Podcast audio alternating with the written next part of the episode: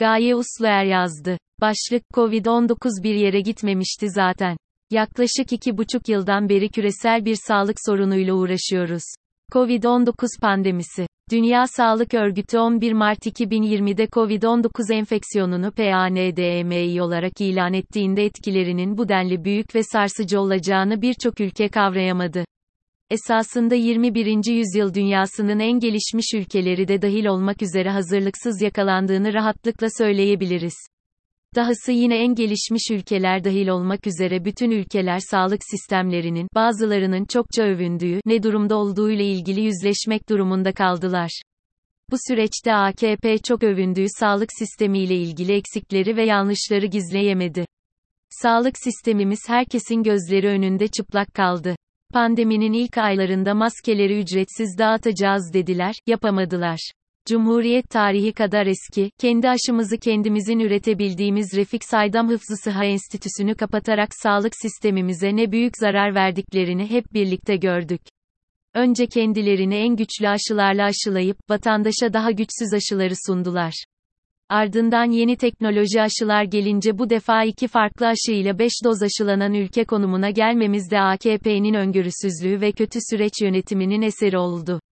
Haziran 2022'de uzayan Covid-19 pandemi süreci, bozulan ekonomiler ve azalan vaka sayıları nedeniyle hızlı bir normalleşmeye geçiş oldu. Öyle bir hız ile önlemler kaldırıldı ki, yaşadığımız iki yıl hiç ders çıkartılmadan unutuldu, unutturuldu.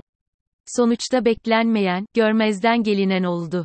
Temmuz ayının sonlarına geldiğimiz şu günlerin en önemli konusu yine Covid-19.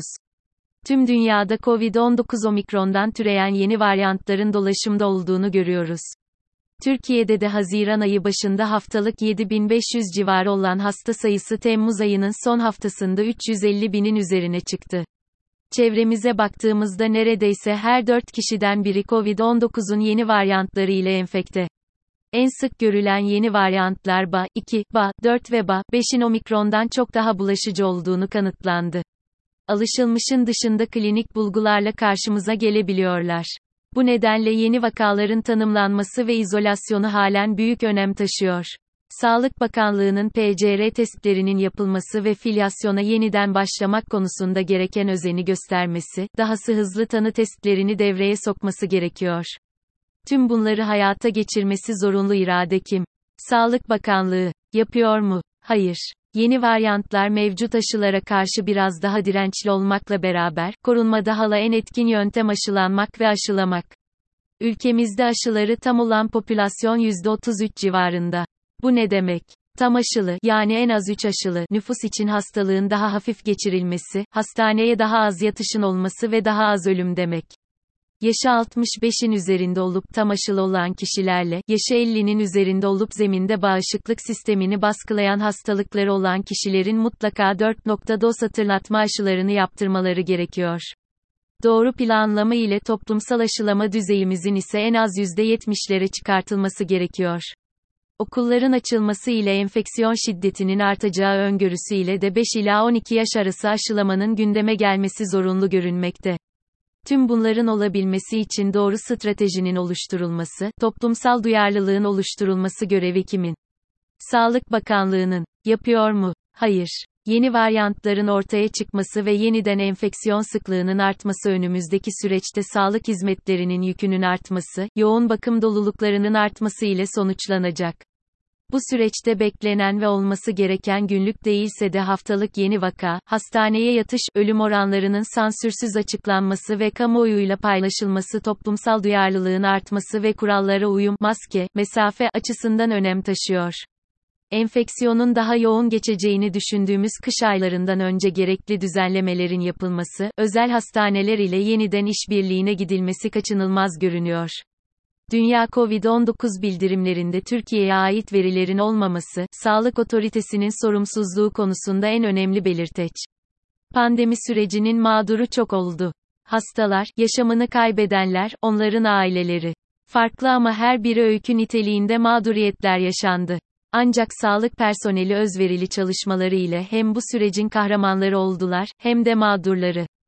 Nokta. Kötü çalışma koşulları, yaptığı işin karşılığını alamama ve sağlıkta şiddetin artması AKP'nin kötü sağlık politikalarının sonucu olarak apaçık gözler önüne serildi. Pandemi süresince sağlık personelinin erken emekliliğe yönelmeleri, hekimlerin özel hastanelere geçiş sıklığının artması ve sadece yeni mezunlar değil uzman hekimlerde de yurt dışına çıkış taleplerinin artması, giderlerse gitsinler, diyerek önemsenmeyecek bir durum değil, ciddi bir sonuçtur. Pandemi sürecinde COVID-19 meslek odalarının istediği şekilde meslek hastalığı olarak kabul edilmediği gibi, sağlıkta şiddeti önleme yasası da çıkartılmadı.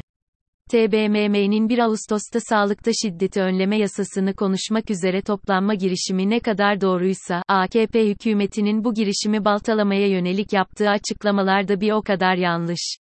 Umarım önümüzdeki iki gün içinde yanlıştan vazgeçer, sağlıkta şiddeti önleme yasasının çıkması konusunda ortak aklın TBMM'de oluşabilmesi için gereken zemin oluştururlar. Yaşanılan iki yıllık süreçten ders alındığını umarak, önümüzdeki sürecin doğru yönetilmesi konusunda gerekliliklerin yerine getirilmesini bekliyoruz. Görev de sorumluluk da Sağlık Bakanlığında.